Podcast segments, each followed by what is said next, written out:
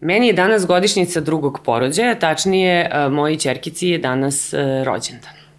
To je svaka mama će reći i svaki roditelj će reći najljepši dan u mom životu kada se rodilo moje dete, imam i starije dete, znači to je još jedan najljepši dan, ali kada se vratim u taj dan i u sve ono što se dešavalo pre porođaja, neposredno posle porođaja, pa i nije bilo tako sjajno i to će verovatno potvrditi većina mama da tu postoje raznorazne komplikacije, strahovi, panika, e, desi se dosta toga neplaniranog, zapravo um, kao što sami lekari kažu, ne možemo, ne možemo sve da isplaniramo kad je porođaj u pitanju, jer eto, uh, koliko god dugo da postojimo kao vrsta i da donosimo uh, bebe na ovaj svet, uh, uvek nešto, nešto može da iskrsne, da se, na, da, da se ovaj desi komplikacija na koju ne možemo da računamo, ne možemo da se pripremimo sa svom tehnologijom koju danas imamo i sa svim znanjem i iskustvom koji imaju naši lekari.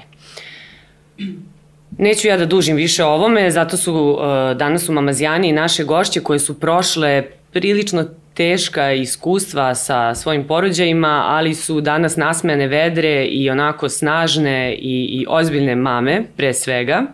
Uh, one su uh, Ana Štajdohar, kanta autorka i mama jednog dečaka i jedne devojčice i uh, Kalina Kovačević, glumica, mama dve devojčice.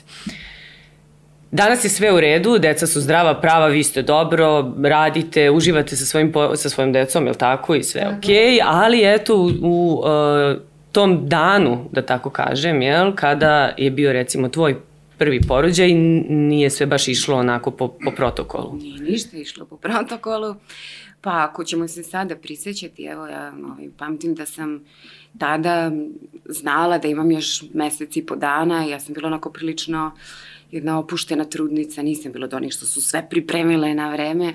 Uglavnom sve polako ćemo sve ok i ovaj, tog dana smo snimali neki skeč koji je trebalo da najavi sledeću sezonu emisije u kojoj sam i um, I posle tog snimljenog skeča sam ja krenula sa, sa svojim bendom na, na ručak I onda me je, ovaj, bukvalno, ne, ne znam kako da, da odjednom se sve promenilo i um, ja shvatila da se nešto dešava, nisam mogla više ni da se uspravim, kamo li hodam. I svašta sam onako motala po glavi, ali kao poslednja opcija je bila kao da ima veze ikakve sa trudnoćom i porođajem, jer je to za mesec i po dana. Međutim, onda sam ovaj saznala da se, da je zapravo porođaj krenuo i onda nastaje taj film. Bukvalno mi tako to danas izgleda iz ove perspektive kao neki ludi akciona, akcioni film sa horror elementima um, i to je trajalo, um, kako se sećam, 24 sata. Onako, pošteno me je izmučilo i um, mislim sad ne znam koliko ćemo ići u toku razgovora u detalje, ne, ne bih sada da zadržavam pre nego što Kali, Kalina ne kaže svoje iskustva, ali dakle to je meni onako ostalo kao jedna poprilična trauma, sve zajedno i osjećaj kao da sam preživala nešto užasno ekstremno i onda nakon toga je naravno došla, došla osjećaj sreće i zadovoljstva i sam ja eto iz te bitke izašla kao pobednik i to je bilo to malo biće u koje sam se zaljubila momentalno. Uh, ali ovaj, da, bilo mnogo toga ružnog, a, a onako kako mislim psiha ljudska funkcioniše, mi to vremenom se ublažavamo i danas se onako ni ne osvrćem u suštini na to. I Onako kamuflaš. Ra, radi, da, da, da, da, sećam da. svih onih lepih stvari, u ostalom najsrećnija sam zbog sadašnjeg momenta i toga da je sve, sve okej. Okay. da, dobro, tako jedino možemo da idemo dalje. Mislim, A da naravno. To, naravno, nećeš zaboraviti nikad, ali da. ovaj, mala kamuflaža... Ali ćemo nešto. se malo zaštititi. Da, da, upravo tako. Kalina, ti si baš imala, što kaže Ana, ekstremno iskustvo. Pričala si o tome više puta, evo sad da. moramo da te vratimo ponovo. Nije meni problem da se ja, ne, ne, pa nije meni problem da se ja vraćam u, u životne stvari koje nisu baš bile po, po moje želji, koje su bile traumatične, jer kad se već dese, smatram da onda iz njih treba da naučimo ovaj, i da, da, da shvatimo da život nije ni malo jednostavan i da može svašta da nas ovaj, zadesi i da niko od nas nije nedodirljiv, jer često svi pomislimo neće se desiti meni, desit će se nekom drugom ili uh, čuješ pa kažeš pa dobro, to se nekome desilo. Uh, ja samo hoću da kažem da od trenutka kad sam postala mama, ja više ne čestitam deci rođendane, nego čestitam mamama koje su se porodile. E, da onda, pametna. Da, da, da, da. Onda evo, ja tebi čestitam današnji dan, Hvala, da. jer mislim da je to uvijek nešto bilo žao ovaj, kad se slavi ono rođenje mm. deteta, pa svi veseli i mama u porodilištu muke muči s bolovima. Da. Da, a tata negde. To je na, najveća nepravda. Pa tata sutradan da, muke muči. Da, da. Jadan, da. Ajde malo i da ovaj, ovako, kako da kažem, ove teške teme, ja volim kroz, da teške teme malo da olakšam kroz, kroz osmeh i kroz neke situacije. Da, ovaj, nažalost, moje oba porođe su bile ekstremno traumatične i teška, ali da me pitate da li bih još rađala, da, rađala bih. A, ne dozvoljavam da me te stvari ove poremete. E, naravno da toga neće doći više i zbog godina i zdravstvenog stanja i situacije okolnosti, ali nekako da, moj prvi porođaj je vezan za Oba, oba, moja, obe moje trudnoće su bile za razliku od Ane koja je imala e, lep period pa se onda odjednom sve nešto jeli, izdešavalo. Da. Ovaj, moje obe trudnoće su bile visoko rizične. Ja sam ležala na odeljenju za humanu reprodukciju u Višegradskoj kod doktorke Kontić koja mi je zaista onako bila velika podrška, ne samo kao e, osoba koja ima veliko znanje koje sam ja verovala pa sam imala osjećaj da sam u sigurnim rukama, nego i ta psihološka pomoć koju smatram da je jako jako, jako neophodna za žene, naročito prvorodke i druge žene, koje, mislim i druge žene koje rađaju e, drugo, treće dete, naravno, ali ta psihološka pomoć je jako važna i nažalost nema je. I to je ono na što da. ja volim da, da, da prosto skrenem pažnju, a to je nije dovoljno, kad kaže imamo jednog psihijatra ili psihologa u, u bolnici, kakav jedan? Na jednom odeljenju treba da ih je pet. Ovaj, na 300, ako, na 300 pacijenta. Apsolutno. Ovaj, da, prvi porođaj, dakle, ako sam preopšena, vi me samo samo skratite, rekao svaka sremica, volim puno da pričam. ovaj, prvi porođaj je bio traumatičan jer sam se porodila u osmom mesecu, hitan carski rez je morao da bude obavljen jer je porođaj krenuo, a nije došlo do, do, do otvaranja, kontrakcije su bile tu, smanjenje plodove vode za 80%, tako da je postala velika opasnost da se beba zaglavi u kanalu i da a, prosto se uguši. A, i to je bilo pitanje šta će biti s bebom kad se rodi zbog smanjenja plodove vode, jer tada je pitanje šta je sa unutrašnjim organima, jer beba guta plodovu vodu u bubrezi i šta je sa a, rukama i nogama od bebe, jer prosto je ona bila skvrčena u, u, u moje materici. Um, I onda sve to nekako nakon toga dolazi do sepse, dolazi do kliničke smrti, i svega toga gde vi prosto taj prvi kontakt sa svojom bebom ne možete da imate na adekvatan način koji je bitan i za majku koja rađa i za bebu koja dolazi na svet. Ta borba se nastavlja kod mene i traje još četiri nedelje u bolnici. Tako da sam ja u stvari prvi šest meseci trudnoće i četiri nedelje nakon porođaja provela gde sam se borila za bukvalno za život. Nisam dojela, bila sam na najtežim mogućim lekovima i a, izašla sam posle toga ne, ne možete zamislite koje je prosto stanje jedne mlade žene koja, se, koja je imala i kliničku smrt i koja se porodila i a, morala da nastavi sa a, da radi na sebi, da učim da hodam, da učim da dišem ponovo kako treba i tako dalje, a zamislite još morate voditi račun na jednom malom bebčetu koji je došao na svet. A, što se tiče drugog porođaja, a, drugi porođaj mi je bio teži, verovali ili ne, ne, zato što je bila ugrožena moja beba, a ne ja. Um, dakle, taj porođaj je krenuo isto hitnim carskim rezom u sedmom mesecu trudnoće. A, prosto eto tako se to zadesilo, međutim moja Anika je rođena sa nerazvijenim plućim krilom, došlo je do gušenja, napada epi i a, to je ajde tako laički da, da, da kažemo a, i do infekcije desnog plućnog krila gde je ona provela a, boreći se za svoj život a, dve nedelje u, a, inku, ne, ne samo inkubatoru nego na veštačkim plućima i još dve nedelje posle toga na kiselniku. Mislim da mi je to najteži period u životu i ono što bih hvala da skrenem pažnju za sve mame i tate koje gledaju jeste u svemu tome vi se borite i sata u sat mala su bića u pitanju i ne možete vi da uh, dobijete od doktora odgovor će biti bolje ili neće, a svaki sekund je preloman kod bebice, lako može da se pogorša situacija, a opet u trenu može da se poboljša. Uh, ono što je meni najteže palo u svim ovim pričama oba porođaja jeste u drugom drugom porođaju povratak, povratak kući nakon porođaja bez bebe. E to je moment... To sam tela da obe da vas A, to je moment koji je za mene, evo i sad kad sam pogledajte, sam se naježila, a, e to je veliki poraz i to je jedan osjećaj u grlu i u duši koji ću ja pamtiti dok sam živa, a to je da se vi vratite kući gde je sve nekako očekujete da je bebče s vama, a ono se tamo negde bori za život. Eto, to je ukratko ovaj, moja, moja životna priča sa moje dve devojčice. Da, to sam baš ovaj, razmišljala o tome kada beba ostaje u inkubatoru i onda mama dolazi i posećuje, pa se gledaju, pa ne znam, ja sam A recimo nemate radila... fizički kontakt, re, Da, pritom. ja, ja sam nešto radila, radili smo neku priču ranije na institutu za neonatologiju, pa su sad imali one kengur sobe gde mama i tata dođu pa ovako u lišnu ono, bebicu stave ovako tu i onda je to ono dodir kože o kožu, pa je to sad za oporavak, ali mislim sve je to toliko Ali to je kod njima beba koje... isto traumatično da. i Pa mogu da budu to je kod beba koje Yes. mogu budu van inkubatora i koji imaju problem sa, sa samo masom. Uh, ovde mi kad da, pričamo... Da se čeka da dobije Jeste. gramaži praktično nije to Ja ni nisam kilaža. smela, da, ja nisam smela da stavim ruke, pošto sam imala braunile, ja nisam smela da gurnem ruke Unutra u- da, kroz, da. jer prosto ona je bila sva i, i u sedativima i uh, veštačkim plućima. Znate vi šta, je, šta to znači? To znači da jedan ogroman aparat se bebi gurne, ona je hranjena kroz nos, imala je cevčice u nosu, ona je e, zaštitu za oči. Znate, vi u tom trenutku nemate bebu ispred sebe, vi imate ajde da, da, da to strašno zvuči, ali to jeste tako, imate masu mesa Da, i da, jednu mašinu. i mašinu. Ja te slike nemam. Znate, obično imaju ljudi slike bebica kad ih rode i onda ovaj prvi mesec, drugi. Ja to nažalost nemam i nisam htela da imam te slike jer te slike nisu prosto ni nešto ličila i podsjećale su me na jedan period života koji sam htela što pre da zaboravim i da krenem prosto da se bavim svojom decom jer u tom momentu kad se to desilo sa Anikom ja sam kod kuće imala još jedno dete o kome sam trebala da vodim računa. da.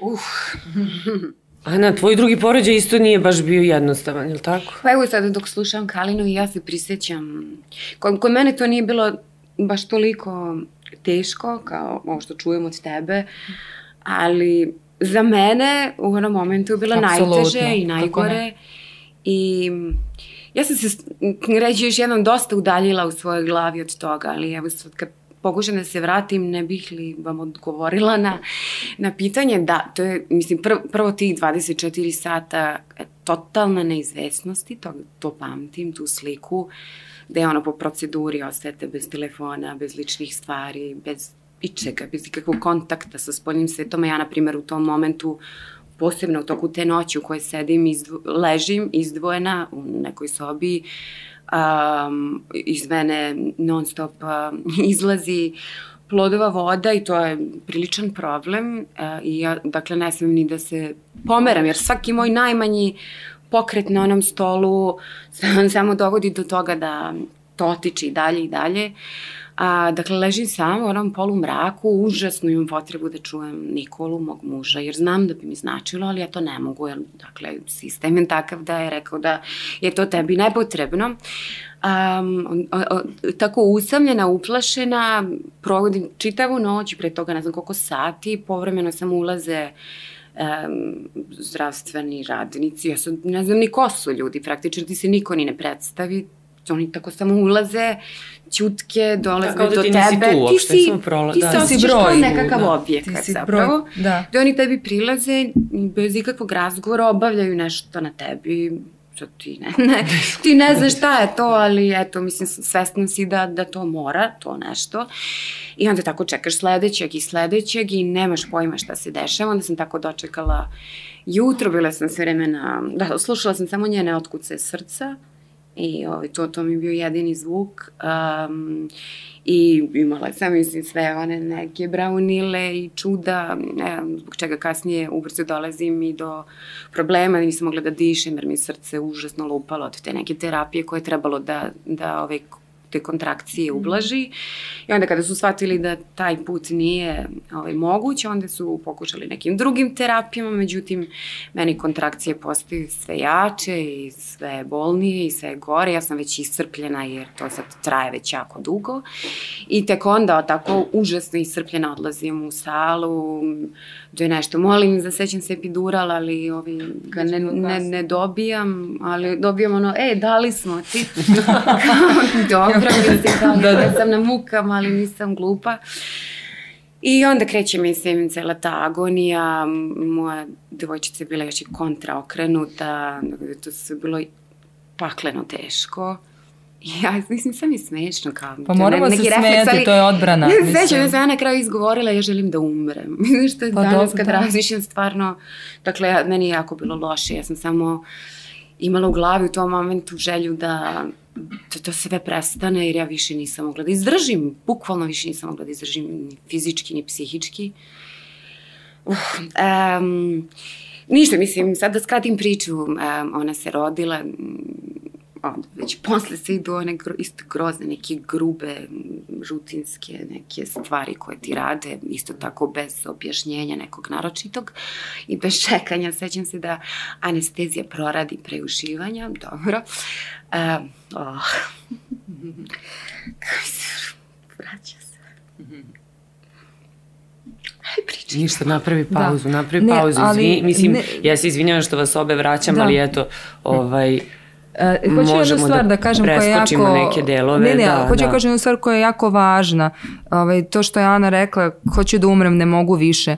Ja je potpuno razumem um, uče nas da u tom trenutku moramo da budemo jake, da moramo sve da izdržimo. Ma ne moram kako ja ni... Vaše, kako su vaše bake na da, selu da, same. zapravo. Yes. Osjećati i strah i, mm. i biti zabrinuta i Tako. u stvari se od tebe očekuje da si ti sad tu neki robot bez osjećanja koji dolazi tako to da odradi, jer to za Boga prirodna stvar, je li tako? Yes. Zato što je to prirodna stvar, onda čemu strah i sve ostalo, ti ćeš to vrlo lako i onda yes. taj super argument koji sam obožavala, ovaj, kako su naše baki, Jeste, baki to. na njivama, to sve obavljale.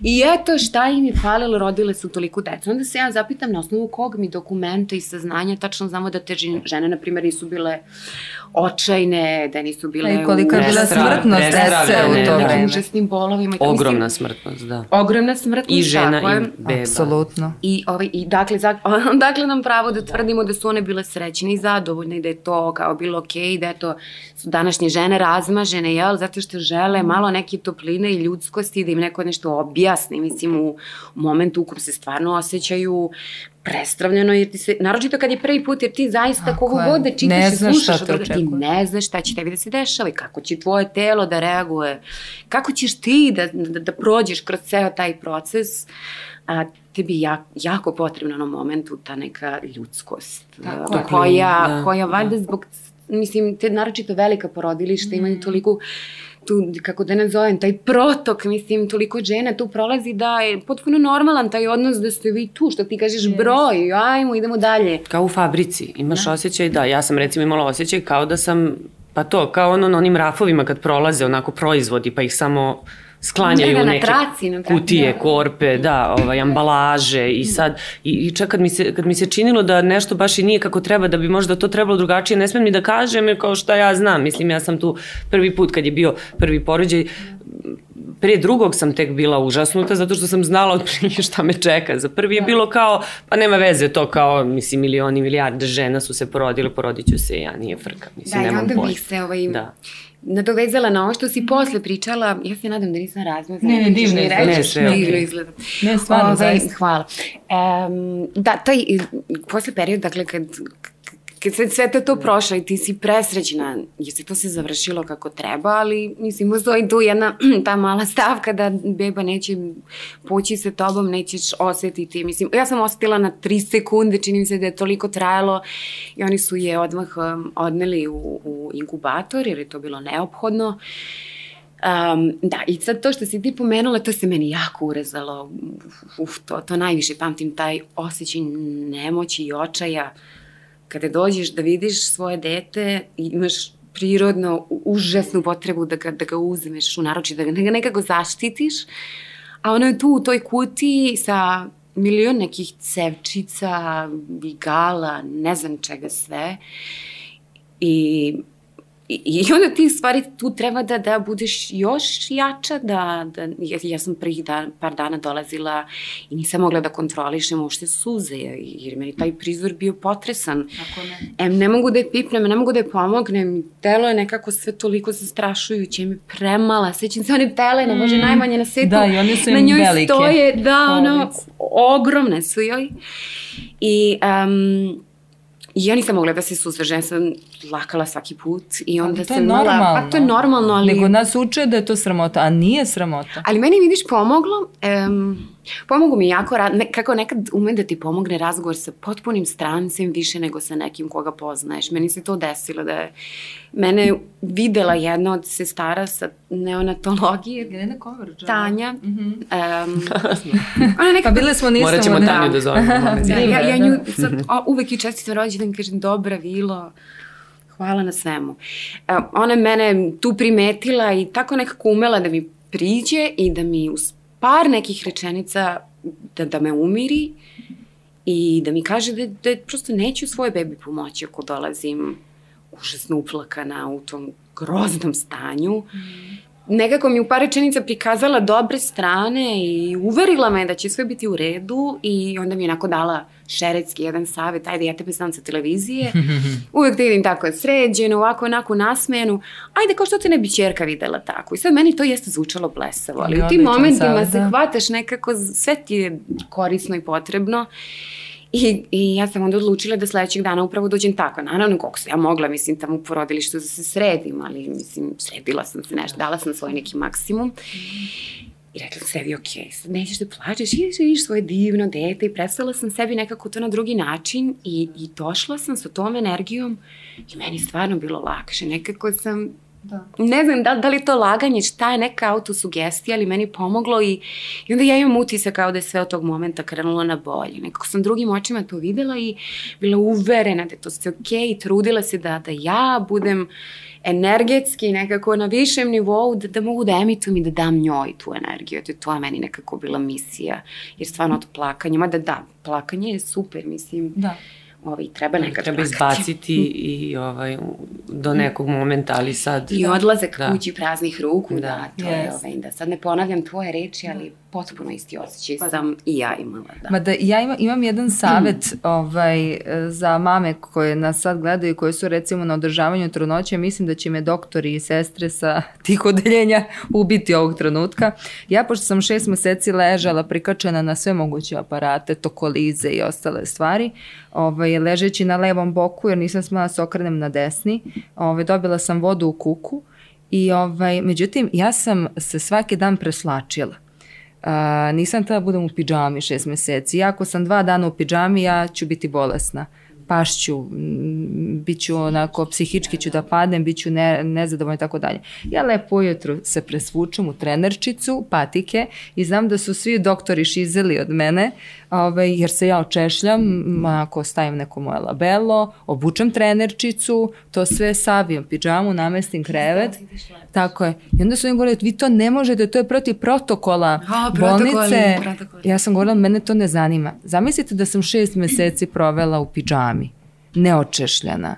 Um, održavate vi higijenu, ali drugačije ako vas teraju da ležite u krevetu, ako već moram, onda ću da ležim u mojoj trenerci, da se osjećam nekako ne kao bolesnik, nego kao osoba koja mora da ostane jaka, mentalno, e, psihički stabilna, da bih izgurala tu trudnoću kako bi svom detetu mogla da pruži maksimum kada ono bude došlo na, na svet. A ne da izađeš ko luda iz te bolnice. Kao ona priča u avionu sa maskom, ti Jeste. definitivno moraš prvo sama sebi da pomogneš da bi, Tako je, tako da je. bi mogla da budeš dobra majka. Tako je. A, jako je bitan, izvini, mi smo se sad raspričale, ti Samo reci ako imaš, da, ovaj, a, hajde da, da, da ljudima koji nas gledaju, sad smo im ispričali prosto šta, šta se sve izdešavalo a, kod nas, ali hajde da, da vidimo šta je to što ih očekuje nakon a, porođaja i sa decom i kako da olakšaju sebi. A, meni je jako bilo traumatično i teško taj posle period kada je Anika izašla iz bolnice, jer sam ja s njom morala, mi smo dve godine proveli kod e, endokrinologa, e, kod kardiologa, kod oftalmologa i to je nešto što opet nije dobro u našem sistemu, jer se očekuje da vi sve znate. Ja sam imala znači carski rez, Uh, od mene se očekivalo, ja se sećam, došla sam sa Anikom, uh, meni su rekli, pa što ste vi došli? Pa ja sam majka, kako da ne dođe na pregled svoje bebe. Ovaj, došla sam sa kolicima na oftalmologiju, um, gde sam rekla onako naivno i nevino, izvinite, a gde je ovde pregled za moju bebu? ko u tom momentu već ima dva meseca. Oni su rekli na četvrtom spratu. Ja sam rekla, a gde je lift? Oni su me pogledali i rekli, koji je lift? Ja kažem, pa sa kolicima sam sa bebicom, mislim, to je pregled za bebe, za decu, znači nije za, za starije, oni su rekli, pa mi to nemamo, kao morate peške. Sad možete zamislite mene sa carskim rezom. Nosiš kolica. Nosim kolica na taj četvrti sprat kako bi pregledali moju bebu. Pritom se sve očekuje da vi znate, idete kod doktora tog i tog, na tom i to, kao da sve moram da znam. Ma ne moram ja ništa da znam. Znači tu moraju da postoji ljudi koji će da vode računa o meni kao porodilji i o mom tek rođenom detetu, u ovom slučaju dete ima dva meseca, ali je tek došlo moje naručje i ja moram da obavim sve te preglede i vi ne znate koliko će ti pregledi i to taj period da traje. Kod nekoga se završi sa tim pregledom, kod nekog kao u slučaju moje čerke e, traje dve godine, neki pregledi će trajati i do pete godine, ne želim sad baš sve da otkrivam, prosto to zdravstveno stanje i karton mog deteta i to je nešto što treba da ostane njeno i njena intima, ali hoću da vam kažem da se ništa ne olakšava, nego vam se sve bukvalno otežava, a to je da vi morate da idete u pet različitih zdravstvenih ustanova, od kliničkog centra do dedinja, do ovamo, tamo sve zavisi zavisi jer svaki doktor je na drugoj relaciji i da se sve očekuje da se podrazumeva i da vi znate. Niko ne računa na to da vi kod kuće imate možda još jedno dete, da niste, da niste u mogućnosti psihičkoj da idete ponovo u bolnice, jer meni je bilo jako teško. Tako je, meni jako bilo teško da ja uđem ponovo u bolnicu nakon svega što sam preživela, a hoću da vam kažem još jedan jako bitan trenutak gde sam se, koji mi je ostao onako urezan u pamćenju. To je, zaista su ovaj na, na, u Višegradskoj ovaj, na neonatologiji stvarno bili vrlo profesionalni i vrlo fini. Međutim, meni se desilo i zahvaljujući njima i njihove pribranosti odlično su odreagovali u tom trenutku, a to je situacija kad ja dolazim da vidim svoju bebu i zatičem prazan um, ovaj, inkubator. To je moment, a, pritom meni je dete jedan od najtežih bolesnika u tom trenutku. Ja sam se samo sručila. Znači, izgubila sam svest i samo sam se sručila. Ja ovo ne pričam da bi sad neke senzacionalističke novine o ovome pisale, jer mi se od toga već povraća i gadi. Ovo pričam samo majkama, u ovom slučaju majkama, jer njima je pristup tu dozvoljen, da bi znala šta se može da ih dočeka.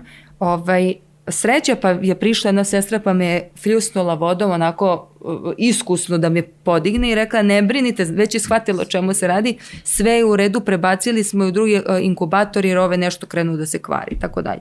Tako da i ta situacija tog momenta je nešto što ostane Čekaj, urezano. ti si ušla unutra? Ne možete vi da uđete unutra, nego vi dođete, znači na neonatologiji, znate da je odeljenje ovaj, gde su baš teški bolesnici bebice, uh, vi kroz staklo možete da vidite, imate kroz staklo, vi gledate, znači i to je, zamislite... Ali nije te niko dočekao neko ne, do osoblja ne može, da, da bude tu negde. Ne, da... Vas niko ne dočekuje tamo u smislu, da. oni imaju toliko posla oko tih da. beba i svega Premalo toga. Je Problem je, da, je i to je jedan od problema i to je ono na što treba da se ukaže, a to je da mora da postoji osoba koja će biti spona između doktora i sestara i pacijenata, to jest majki. Znate šta, ima nas različitih. Sigurno da to ima i majki koje opterećuju govorim, koje su e, zaista u tom momentu neuračunljive s punim pravom, ali ne može doktor koji vam, koji vam u tom momentu vodi računa o detetu da vodi računa i o vama. Mora da postoji spona. Meni se desilo kad sam na trećem spratu bila posle carskog reza da nije imao ko da me odveze u kolicima da vidim svoju bebu na četvrti sprat. Pa sam krenula sama peške pa se ona svestila na stepeništu.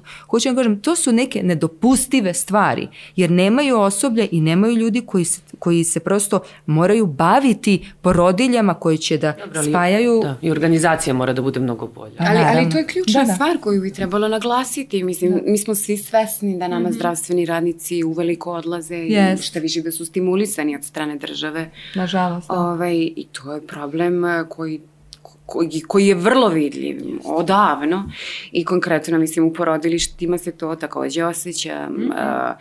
uh, oni ljudi ja mislim da ni ne mogu da postignu Ne sve i mi sad i šta god da kreneš da im zameraš ja, ja pomislim ali Naravno. ko zna kakva je ta njihova, lako, da njima da. sigurno nije lako. Ja se, na primjer, prisjećam, moj drugi um, porađaj se e, desio u gradskoj bolnici na Zvezdari i mene prvo najviše zanimalo epidural i to mi- i sam Naravno, se ja pa. toliko, mislim, toliko sam ostala iz, prestrašena tim prethodnim iskustvom i meni to bilo najbitnije, da, da, da, da nekako sebe častim, bukvalno jer je to na Jeste. tom nivou da ti sebe častiš tim epiduralom.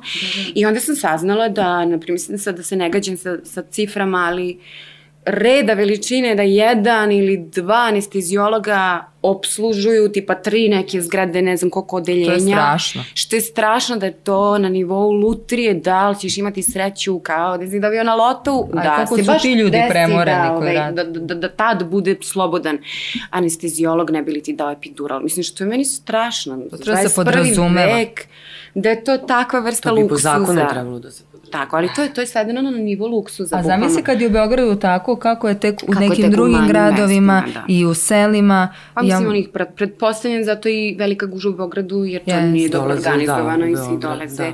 u Beograd. A mislim, da setila sam se još jedne Mhm. mm -hmm. ove scene, ajde, mislim, kad tebe slušam, teško mi je da bilo šta kažem, jer je tvoja priča mnogo teža. Ali- se osjećam neprijatno. Ali u tom trenutku je tebi tako. tvoja priča A da, najteža. svakom I svako nas svoj. ima i gorih priča od mojih, znaš. Tako da slobodno reci ono što, što osjećaš. Pamtim sad da. kada, kada je već došlo do, ovaj, mislim, ja sam se kao sad tu sredila nešto malo i ovaj, čini mi se da sam tad već izašla iz porodilišta, ako se ne varam, ali sam dolazila dva puta, na primjer, dnevno da, da dojim, de, da pokušam Da, da, da, da, da, ja dojim dete, radila. jer je to jako bitno, mislim, naročito ako je prevremeno rođeno, znači mu. I ja pamtim ono, mislim, ajde kao ti si u tom nekom stanju, sve ti je manje više nevažno, samo da, da se sve ono završi, sve bude u redu, ali posle kad sam razmišljala koliko je to organizovano na način da se žena stvarno osti kao krava. Sad sam to htela da kažem, ali bukvalno. To je prostorija. taj termin, da, da. I, pamtim prostoriju koja je toliko, koja je manje od ovog studija. Mislim, Jeste, minijatar, i jedno minijaturna 20 jedna. stolica I ovako. nagurane stolice na način da ono staneš, Ovako se znači, nema milimetra između dve stolice, to pamtim. bukvalno su A intima ovako. ne postoji. Znači intima, da, mislim sad ti kao treba da ono, si odjednom, Ne ne znaš čiju znam, bebu dojiš svoju. Bukvalno, ali jako moraš- ružan osjećaj, znači nabijene samo da sada oni Vruće, koji nas slušaju, da te shvate i gledaju. E, u toj maloj prostoriji stolice ovako u krug, poređene uz zid, bez centima, milimetra, bez milimetra razmaka, gde ti ono, bukvalno se laktovima dodiruješ sa ženom pored gde ti onda dolaziš i onda ti tako saopštavaju tu proceduru, dođite, ali sve tako kao nekako robotski, bez neke topline, da ti sad tu dođeš, evo tu ti je lavabo, tu opereš Tu se svoje opereš. grudi, kao dobro, onda sedneš ovdje, gde, ti- mislim gde ima slobodno, snađiš se kako god, praktično nemaš stvari gde da spustiš i tako tu sediš i sve se gledate. Nekako je ne, Sve se znojite, pošto je bilo leto, znači svi ovako jadne, Ma ne znaju gde su žene. Znači, sve ono ti treba malo, bar da se nekako okreneš, bar, bar da u zid neki gledaš, bar da nek, jer ti, te, u tebi u glavi toliko misli, nekih strahova, svega strepnji, ne znam, mislim, treba ti malo nekog prostora da se izoluješ sa tim svojim detetom. Ja ne tražim posebnu prostoriju, mislim, ali... Bar neki paravan, ali nešto. bar da malo neke ljudskosti. Malo ljudskosti, Bukvalno evo. kao krave u nekoj tesnoj štali, pa ja mislim da i krave imaju više prostora, ono, bar ono se ne dodiruju telima. I ta neka komunikacija koja je bila tako, tu ne su ti čutke, malo to je na tu bebu. Sećam se da sam, da sam i svedočila nekom, nekoj neprijatnoj konverzaciji sa izuzetno mladom jednom majkom koja prosto nije znala devojka šta treba.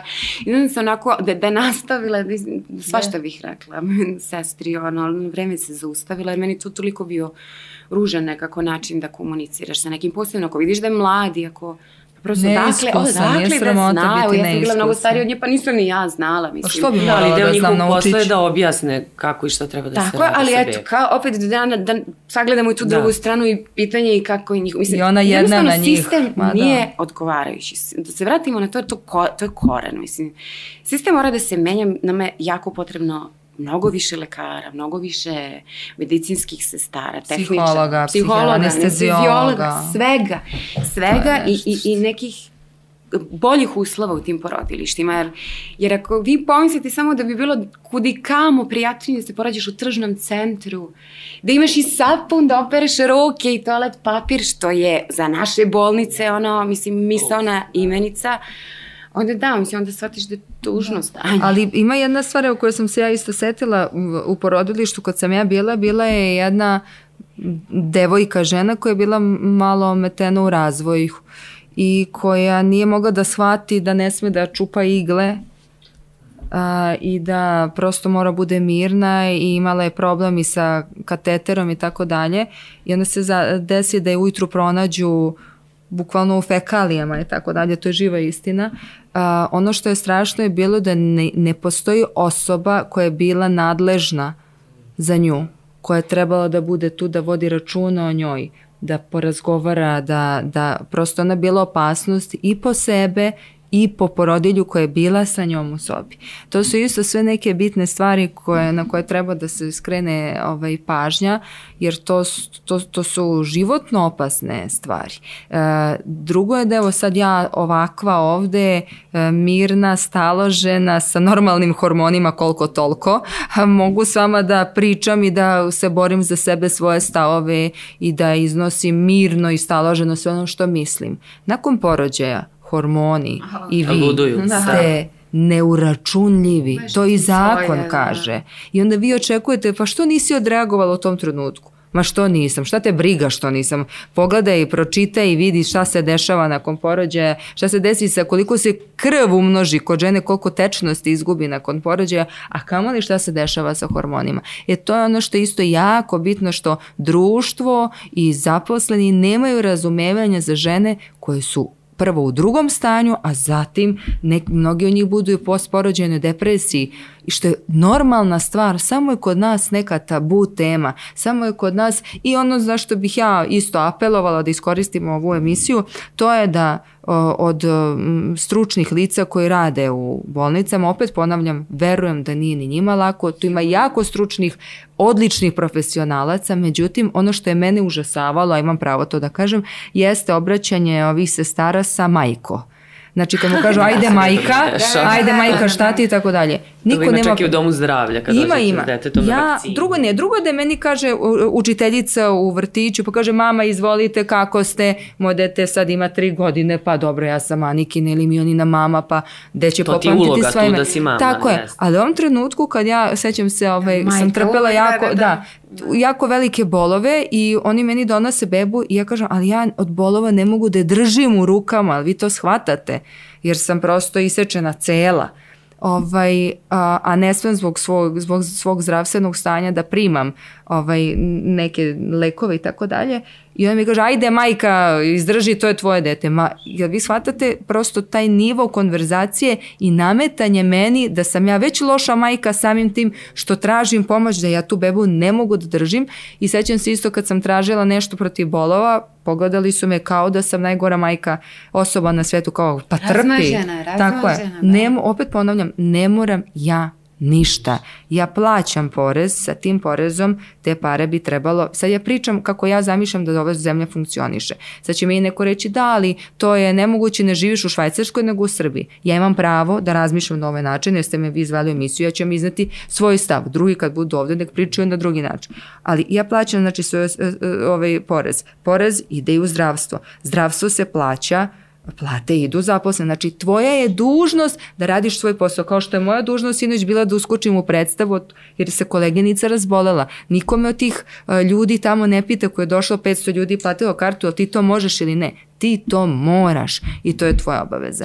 Da. jedan argument, ovaj, sa kojim sam se ja susrela, na primjer, kada sam, da, da, da preletim da. na dru, drugo mm -hmm. iskustvo, drugi, druga trudnoća, m, daleko, daleko lepše iskustvo, mada i tu bilo komplikacija, jer je njemu bila pupčena vrpca omotana oko vrata, a ni, nisam želela sad to da kažem. I sećam se, mislim, ja sam promatrala prosto čekajući ovaj um, ambijent u kom se nalazim i, i uslikala sam neki zid koji stvarno izgledao tužno, onako uronulo i krpljeno nešto. Mislim, generalno su uslovi bili onako kao Higijena, da od Jugoslavije ništa da, ni... Čak je bio neki plakat, sećam se Jugoslavije, nisu ni njega zamenili. Ovaj, bio Tito, žal mi se. Ne, bio bio neki reklamni, turistički Jugoslavije, je bilo kao, kao zaista vreme stalo. Stalo vreme.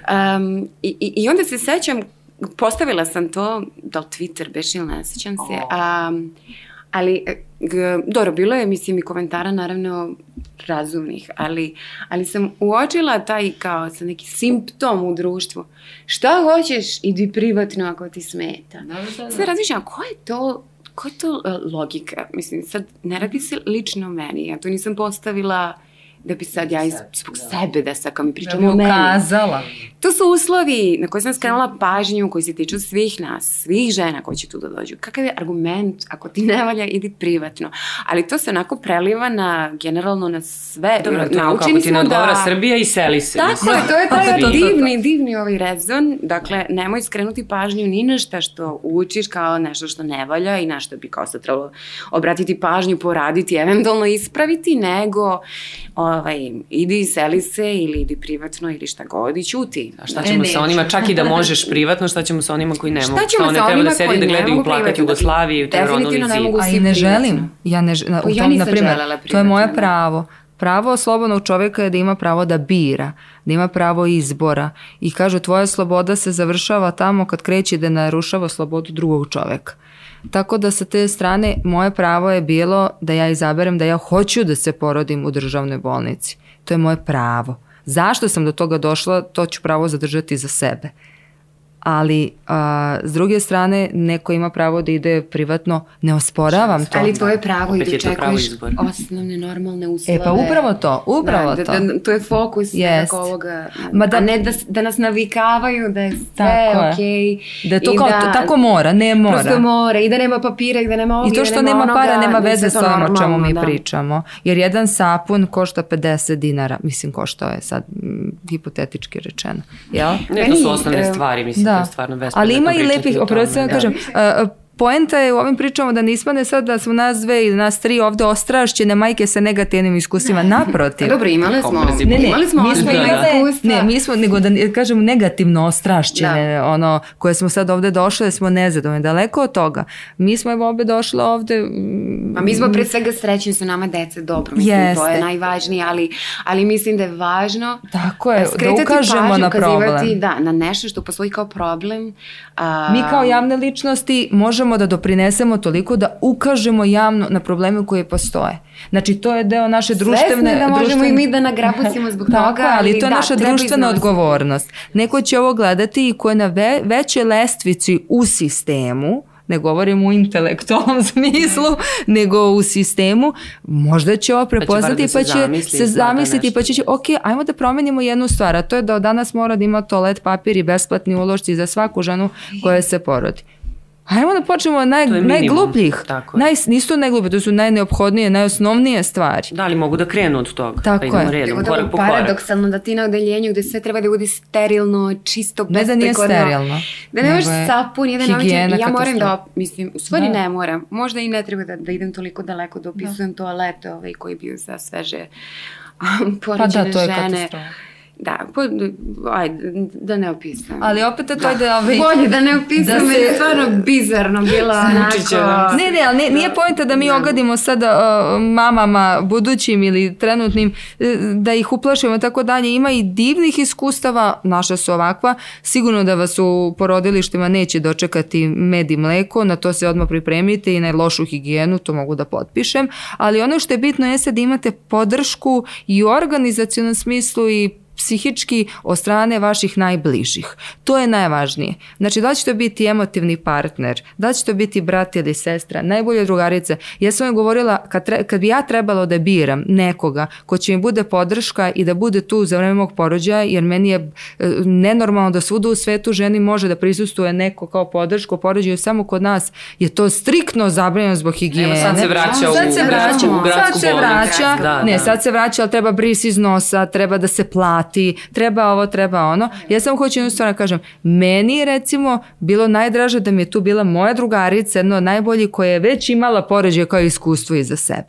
Meni bi njeno prisustvo recimo jako značilo, jer ona je kroz to prošla i prosto eto ovaj, mi se žene uvek prepoznamo, evo sad i nas tri smo ovdje imamo neku zajedničku temu u kojoj sve tri možemo podjednako da, da pričamo Pa sa, dobro, Jana je rekla našim... da, eto, da imala ogromnu Ne, ne, ne. potrebu da čuje uh, Nikolu i da Ne, se ne, naravno, ja- priča, ja- ali on nije bio tu jer je to Zato sam zabranjeno. rekao da li je emotivni partner, da li Da, je da. prijatelj, Pa neko majka, ima svako ima nekog da, drugog. da. Ti znači, da. Jeste. Tebi to pomaže, samim tim Da. pomaže i tvoj bebi. Ali ja, ja bi evo sad voljela da ispričam je nešto lepo. Da, Da, da, da, da. Ja redu da pričam o tužnim stvarima. Moje to drugo iskustvo je stvarno bilo neuporedivo bolje.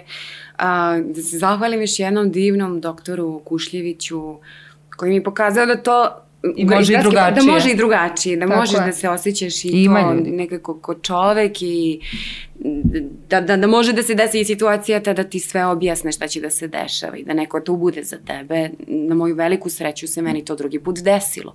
Ja, ja sam došla sa tim traumama i to se vid, videlo na, tako što sam ja na tom stolu porođajnom, iako sam ovaj put dobila um, epidural i to to je bilo neuporedivo lakše u odnosu na prethodni, ali šta je psiha? Ja sam se sve vreme porođaja tresla ovako. Pa dobro, telo pamti. Da. Telo pamti da. Da. ja nisam mogla da zaustavim to, prvo mi je bilo, nije mi bilo jasno šta se dešava, da su mi rekli adrenalin, probajte da se smirite.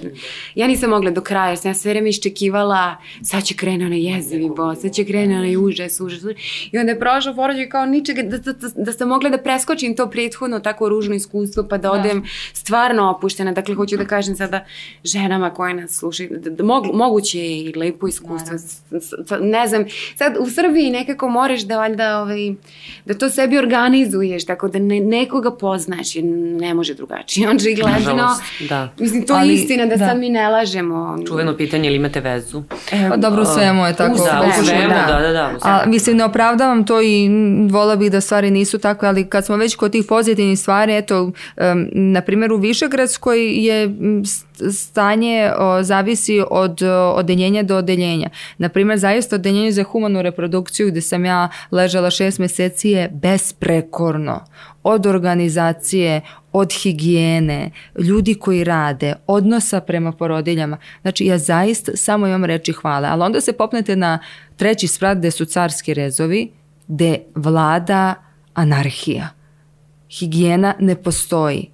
E, m- Ma, zaista, mislim, prosto sve zavisi i od osobe koja se nalazi na čelu nekog odeljenja. E, tako da nije samo, nisu samo pare u pitanju, nego i do nas. Znate, ovaj, često vidite domaćina u Srbiji pa kažete vidi čovek nema para, ali kako je lepo uredio svoj dom, e, svoje dvorište, vidiš da je to uredno, da je A taj nemanje čovek para domaćin. ume često da bude izgovor. Apsolutno, za, ovaj, apsolutno. nemare, i da. volja i organizacija i, i, i želja stvarno da, da sve bude kako treba. Ako je to moj posao, ja ću da ga radim onako kako treba ili ga neću raditi uopšte. Tako ja? je, A ne tako ovo sad ofrlje Ali i odradi, posebno u medicini, a posebno sa, Da. sa, sa porodiljama, sa bebama, sa trudnicama i tako dalje. Ono što sam ja htjela da vas pitam jeste da posle tih traumatičnih događaja, to jest doživlja iskustava na prvom porođaju, kako sam uspela da se odlučite za drugi? Mislim, kako je to bilo? No, pošto ja znam, imam nekoliko drugarica koje su zaista isto ovaj, prošle onako kao bose po trnju na prvom porođaju i žele drugu bebu, ali onako dosta se ustežu, panika je odmah čim pomisle da, da ih opet ovaj smeštaju u porođajnu salu, to je ono pakao. Ja sam se toga plašila, da definitivno, mislim, sve mi je ostalo onako, ba, kao ne, nešto strašno, ali ja pamet kad sam došla kući sa Nijom, da, ovaj, da se ovako stavila i gledala i da sam pomislila, ja želim sad još petoro da rodim. Bukvalno nekako ta Nije ljubav slepota, da. koju osjetiš ta nova dimenzija koju do tad nisi poznavala, nekako pobedi sve. Stva, stvarno, ono, mislim što kažu žene kao da boraviš sve. U suštini to jeste taj, taj mehanizam, mislim, toliko ti je važnija, važnija ta, ta, ta sadašnjost, taj moment u kom je dete tu i sve u redu, mislim sve u redu, kao ima i komplikacija, ali nebitno, sve u redu. I ti si toliko srećna u sve, i sva i nespavanja, i nervoze, i brige, Ali ovo pobeđuje definitivno, ovo je nekako najjača motivacija. I da, ja sam bila u fazonu, ako je Nikola, evo ja ću još metara, pa ćemo da vidimo da ćemo da stignemo. Da. Ne bi me sprečilo iskustvo. Mislim, sad ja pričam za sebe, ali pa različita su iskustva i potpuno razumem i žene koje, koje prođu kroz takvu traumu da više prosto ne mogu da se odluče na još jedno iskustvo. Svi smo mi individuo za sebe i svakome od nas uh, treba različiti vremenski rok da prebrodimo neku traumu, jer ovo jeste zaista trauma. Neko je ne prebrodi nikad i to je okej. Okay. Da. Zaista je okej. Okay ne moramo biti uvek jaki, ne moramo, stalno neko moranje, moraš da dojiš, moraš da budeš dobra majka, moraš da budeš dobar roditelj, tvoje dete mora da bude dobro, najbolje, tvoje dete mora da jede sve, stalno neko moranje, ne mora ništa malo usput, da, usput se uče stvari. Niko se nije rodio spreman za roditeljstvo, što ne znači da po, u potpunosti budete nezainteresovani da prepustite dete da vodi brigu o sebi, što je i nemoguće. Um, što se tiče tvog pitanja vezano za to kako sam se odlučila za drugo dete, um, ja um, nisam imala samo dve trudnoće, nažalost, imala sam ih više, Ovaj, imam dve devojčice, pa će pametni zaključiti. Ovaj, uvek moram tako uvijeno da pričam zbog uh, ovih novina koje se hvataju različitih uh, tema i senzacija, ne shvataju šta je poenta i šta je pisac hteo da kaže. Ovaj, I to me nije sprečilo da istrajem u tome da Miona ima brata ili sestru. Uh, ja kažem da su okolnosti bile drugačije, imala bi još dece, to sigurno, uh, zato što smatram da svaki, svaka trudnoća je trudnoća za sebe, svaka, jako sam imala tu eto nesreću da mi oba budu traumatična i jako teška, teške trudnoće zbog mog zdravstvenog stanja. A, opet smatram da a, e, je nekako pratila sam tu svoju želju jer nisam htela da mi ona, ja sam jedinica pa valjda i to životno iskustvo, znam koliko je teško biti jedinac, naročito kad vam roditelji ostare pa se dođu i bolesti i tako dalje pa sve padne na vaša pleća, a s druge strane znam koliko sam i kao jedinče bila usamljena i žela želela da ja imam brata ili sestru i valjda sve to se implementiralo u meni i nekako sam imala stalno tu želju mi jedinci da imamo puno dece.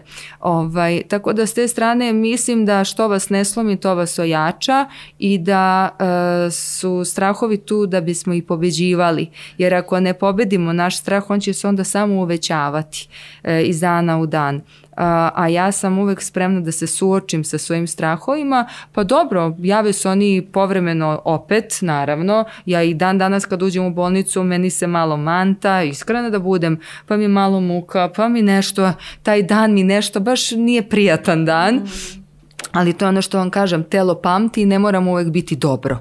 A, bitno je da ja teram dalje i bitno je da, da ja ne tupkam u mestu. Tako da eto to je odgovor na moje pitanje kako sam prelomila da, da dođem do toga da nakon tih teških eto iskustava nastavim dalje i ponovo se ostvarim kao mama.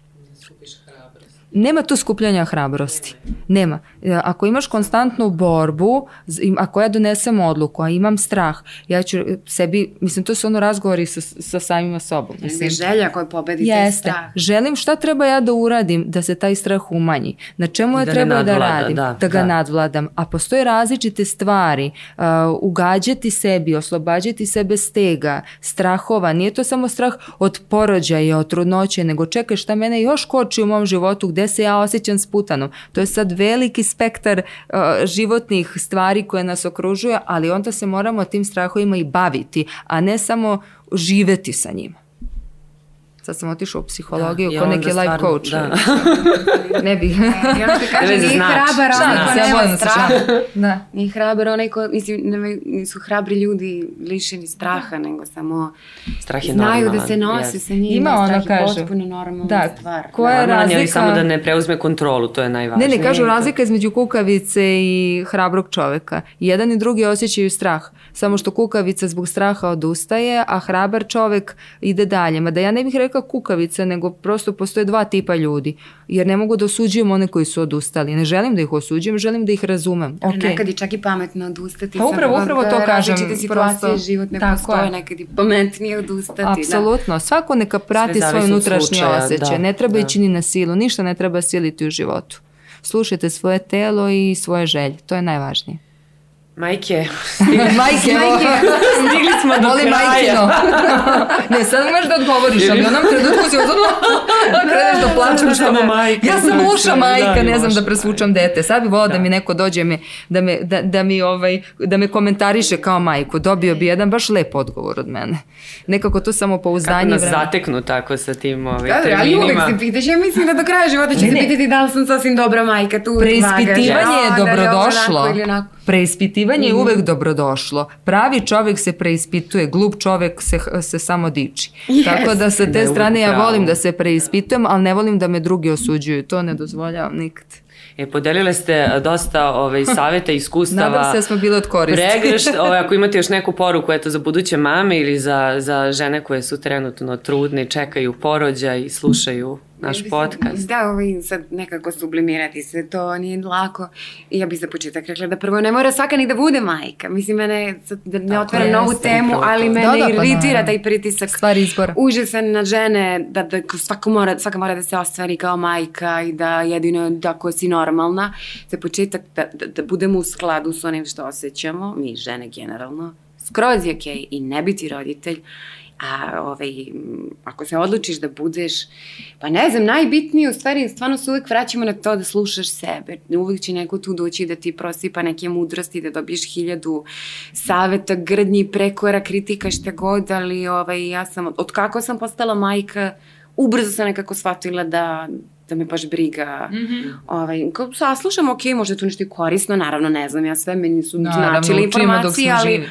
ali nisam dozvoljavala da mi neko nameće, a ja sam ovako, znaš kako ono starije Jeste, žene uvek ja, sad, one da. znaju bolje, pa sad treba i ti, dakle da apsolutno slušaju sebe i svoje potrebe i da ne daju na sebe, jer u porodilištima očigledno bitno zauzeti i takav stav, nažalost, um, prosto proći kroz to, ja, ja ne znam kako se prolazi najlakše, ne znaš ni šta će da te čeka, ali Da.